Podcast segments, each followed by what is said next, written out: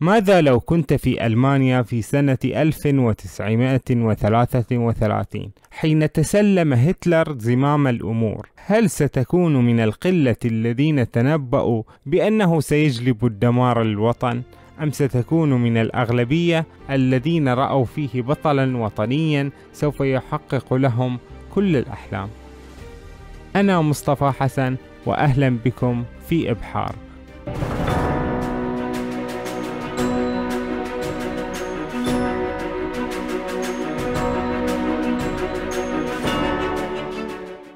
هتلر يستطيع إقناعنا بسهولة.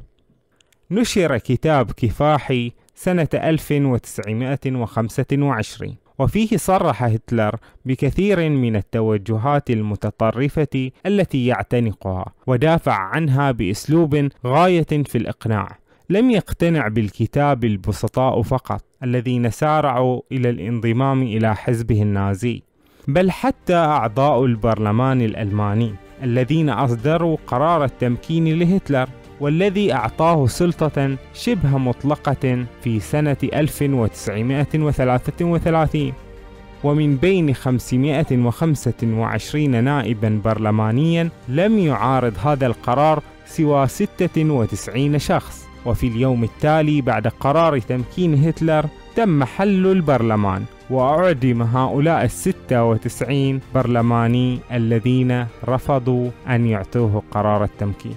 وهكذا تبدأ الدكتاتورية في شق مسارها. يقول هتلر في بيان قوة تأثيره كان موضوع محاضرتي يجب أن نبني الغد أو نتوارى وقد استغرقت محاضرتي ساعتين ونصف وشعرت منذ اللحظة الأولى أن التماس قائم بيني وبين المستمعين. وحاول بعض العناصر مقاطعتي وأنا بعد في مستهل محاضرتي ولكن ما هي إلا عشرون دقيقة حتى كانت ثلاثة عشر ألف كف تقاطعني بالتصفيق. وتتلقف كل كلمة من كلماتي بلهفة وإيمان.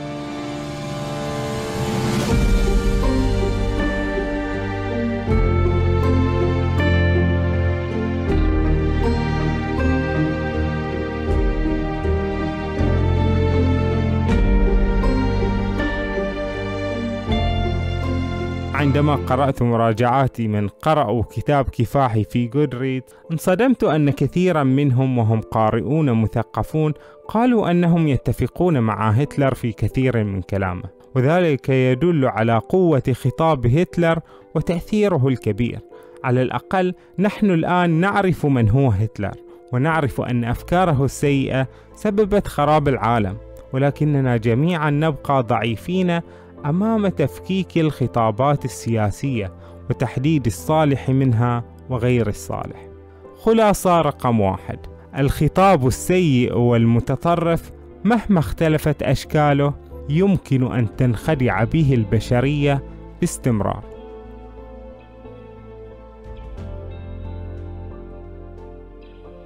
هتلر والأعراق.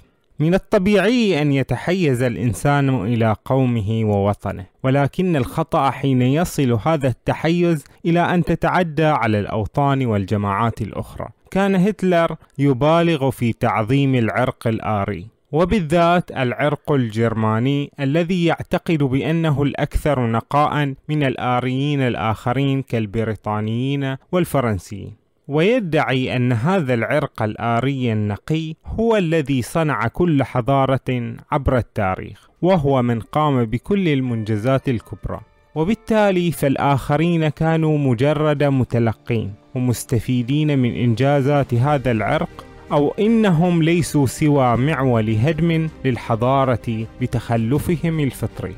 يقول هتلر ولو لم يقيد للآري استخدام الشعوب الوضيعة لما استطاع أن يخطو خطاه الأولى على الطريق المؤدي إلى الحضارة. ولا خلاف في أن وجود أعراق منحطة بالنسبة إلى الأعراق المتفوقة كان شرطا أساسيا لتأسيس الحضارات. ولا خلاف كذلك في أن الحضارة البشرية الأولى قد اعتمدت على استخدام الأقوام الوضيعة قبل اعتمادها على الحيوانات الأليفة. وقد بدأ الفاتحون في وضع المغلوبين على أمرهم أمام السكة ولم يحل الثور محل الإنسان إلا فيما بعد. قد يكون هتلر ذكيا في كل شيء ولكنه قاصر عن فهم التاريخ. وأي شخص حيادي يقرأ التاريخ يعرف أن الإنجازات قامت بها كثير من الشعوب والأعراق ولم تكن يوما حكرا على أحد. ولكن الذي يفكر بطريقة هتلر لا يرى الأمور بشكل عقلاني بل بشكل عاطفي. كان هتلر يحتقر اليهود وجنسهم وكان يحتقر السلافيين وهم عرقية أوروبية كبرى يشكلون غالبية في دول شرق أوروبا مثل بولندا والنمسا والتشيك وروسيا وغيرها وهي الدول التي حاول احتلالها لاحقا وهم في نظرنا بيض كغيرهم ولكن في نظر عنصريي غرب أوروبا يرونهم عرقية أقل شأنا منهم بكثير. يرى هتلر أيضا أن صاحب الدم الراقي يجب ألا يختلط بمن هم دونه لأنه إذا اختلط بعرق أدنى منه سيتسبب في خسارة ما لديه من تفوق وتحضر. ويضرب مثالا بأمريكا الجنوبية التي نتج فيها اختلاط دم الأوروبيين بالهنود الحمر ظهور شعب هجين وبلادا متخلفة. في حين أن الولايات المتحدة الأمريكية أصبحت دولة متقدمة لأن الأوروبيين لم يختلطوا فيها بالهنود الحمر. ولا يخفى أن العرب والسكان شمال أفريقيا في فكر هتلر هم عرق يتواجد في أدنى المراتب العرقية والسود كانوا في ذيل القائمة تماما. تبدأ الجرائم الكبيرة باحتقار فئة ما. كان نتاج هذا التصنيف العرقي أن يحرق اليهود والغجر وأن تغزو ألمانيا الدول الإسلافية والآرية بدعوة أن العرق الجرماني هو الذي له السيادة. فهل بنى هتلر الآري الحضارة أم أنه قام بهدمها؟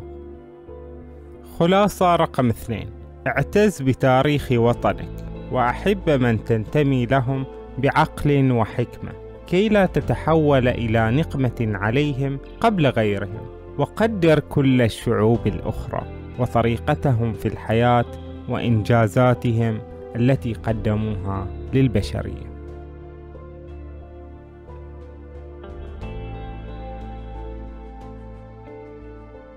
هتلر واستغلال المظلومية ظلمت ألمانيا فيما نتجت عنه الحرب العالمية الأولى فكان هذا الإحساس بالقهر والإذلال والأوضاع المعيشية الصعبة سببا دفع الألمان نحو انقيادهم بسرعة لأفكار متطرفة.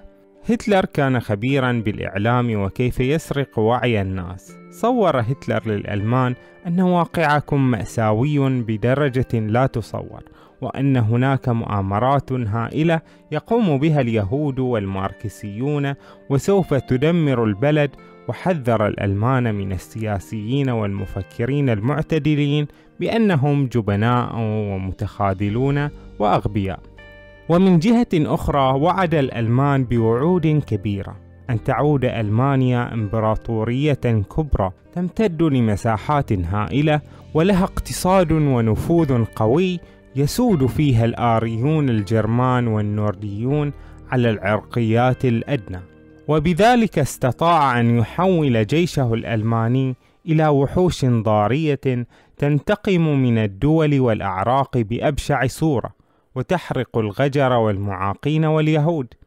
ولأن مبدأ تحول المظلوم إلى ظالم يجري فسرعان ما تحول اليهود المظلومين في المحارق إلى ظالمين في قتل الشعب الفلسطيني واستباحة أراضيه خلاصة رقم ثلاثة. إذا كان قومك مظلومين فاحذر من القائد الذي ينتصر لكم بظلم الآخرين.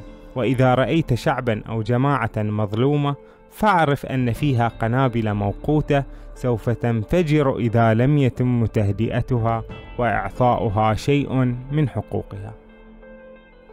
ختاما شاركوني آراءكم في هذه الخلاصات وشاهدوا الفيديو القادم لأربع خلاصات أخرى لكتاب كفاحي لهتلر.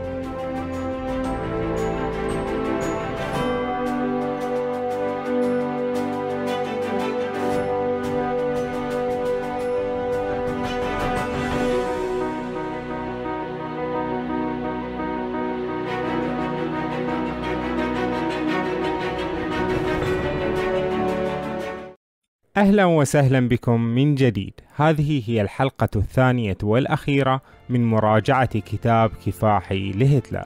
استعرضنا في الفيديو السابق ثلاث خلاصات وفي هذا المقطع نعرض أربع خلاصات جديدة في فهم طبيعة الأفكار المتطرفة.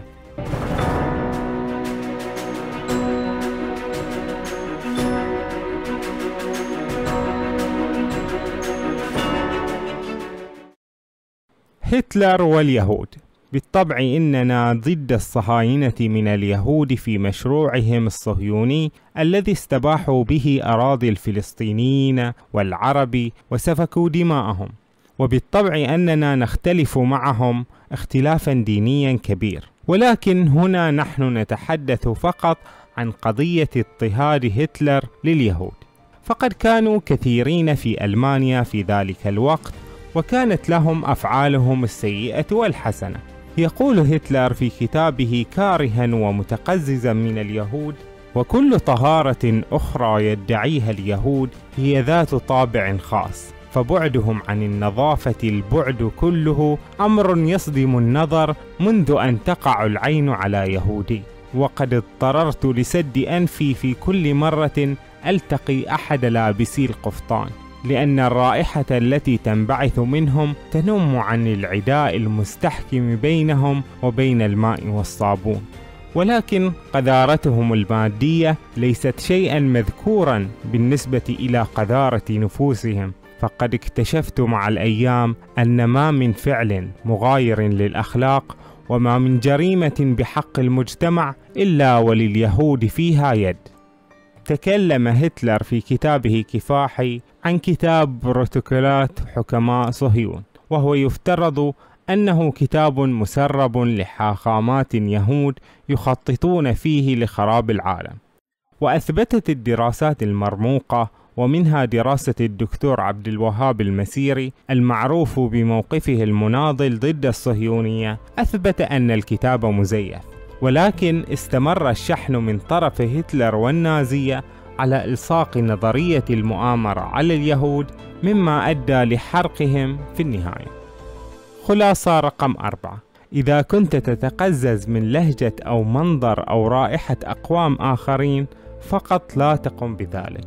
واحذر غالبا من نظريات المؤامرة والمعلومات الغير مثبتة التي تحرضك على كره أي فئة كانت.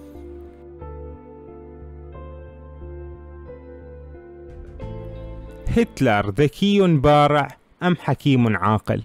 كان هتلر بارعا في كل شيء كان جنديا صلبا ثم أصبح قائدا يحرك قلوب الألمانيين ويدفعهم بلا هوادة نحو الحرب كان موهوبا بالفطرة في الفنون العسكرية والحرب وكان من أقوى من أقنع شعبا بفكرته نفهم من كل هذا أنه يجب ألا نطبل لمدى ذكاء أحدهم أو براعته بل أن نرى هل يوظف ذكاءه وبراعته في الأمور الحسنة أم لا.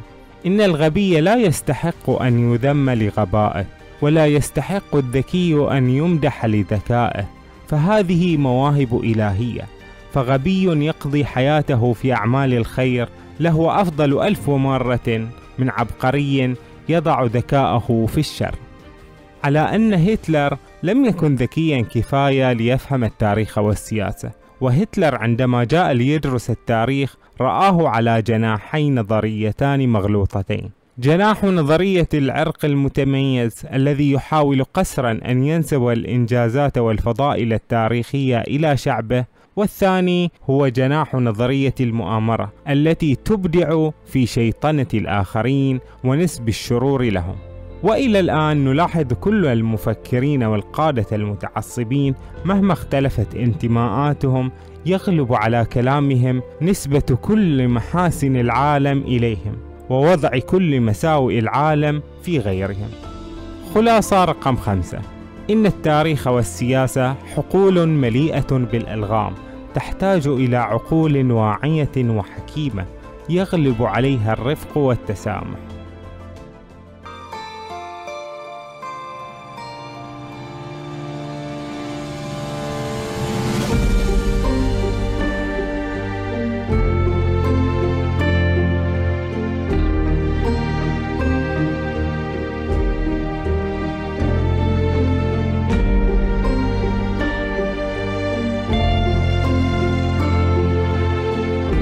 هتلر بطل أو طاغية؟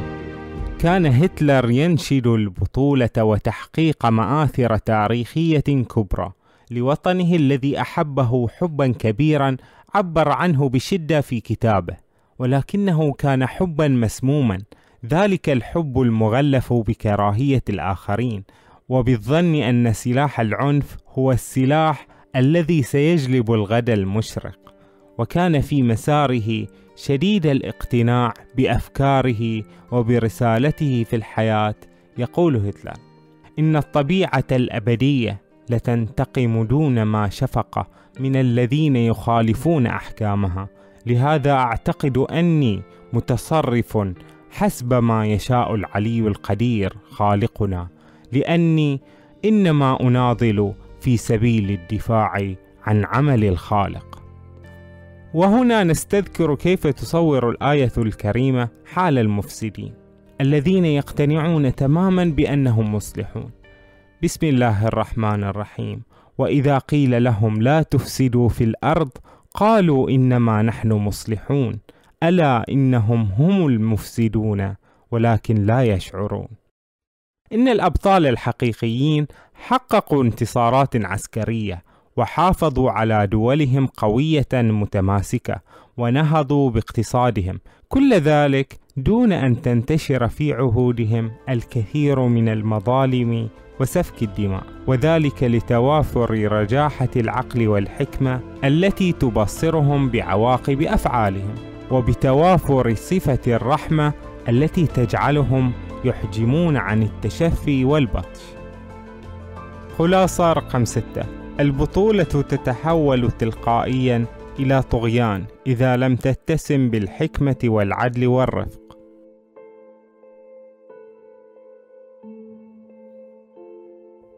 الطغاة يسرقون قلوب الضعفاء. ألا ترى الناس حولك تعشق الطغاة أكثر من الحكام العادلين؟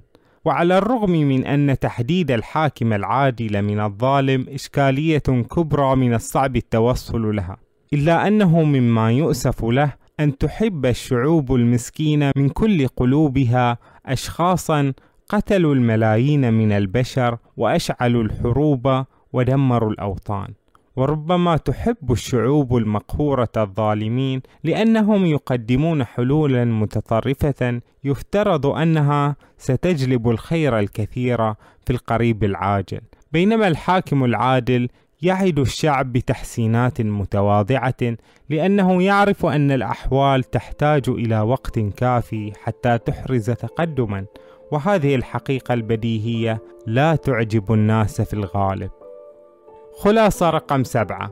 حين يكثر تمجيد الطغاة عند الشعوب فهذا مؤشر خطير يجعل الظالم هو الأوفر حظا في الوصول إلى السلطة. ختاما هذا ما لدي من خلاصات حول كتاب كفاحي لهتلر وأتمنى أن أستمع إلى آرائكم وكونوا بخير.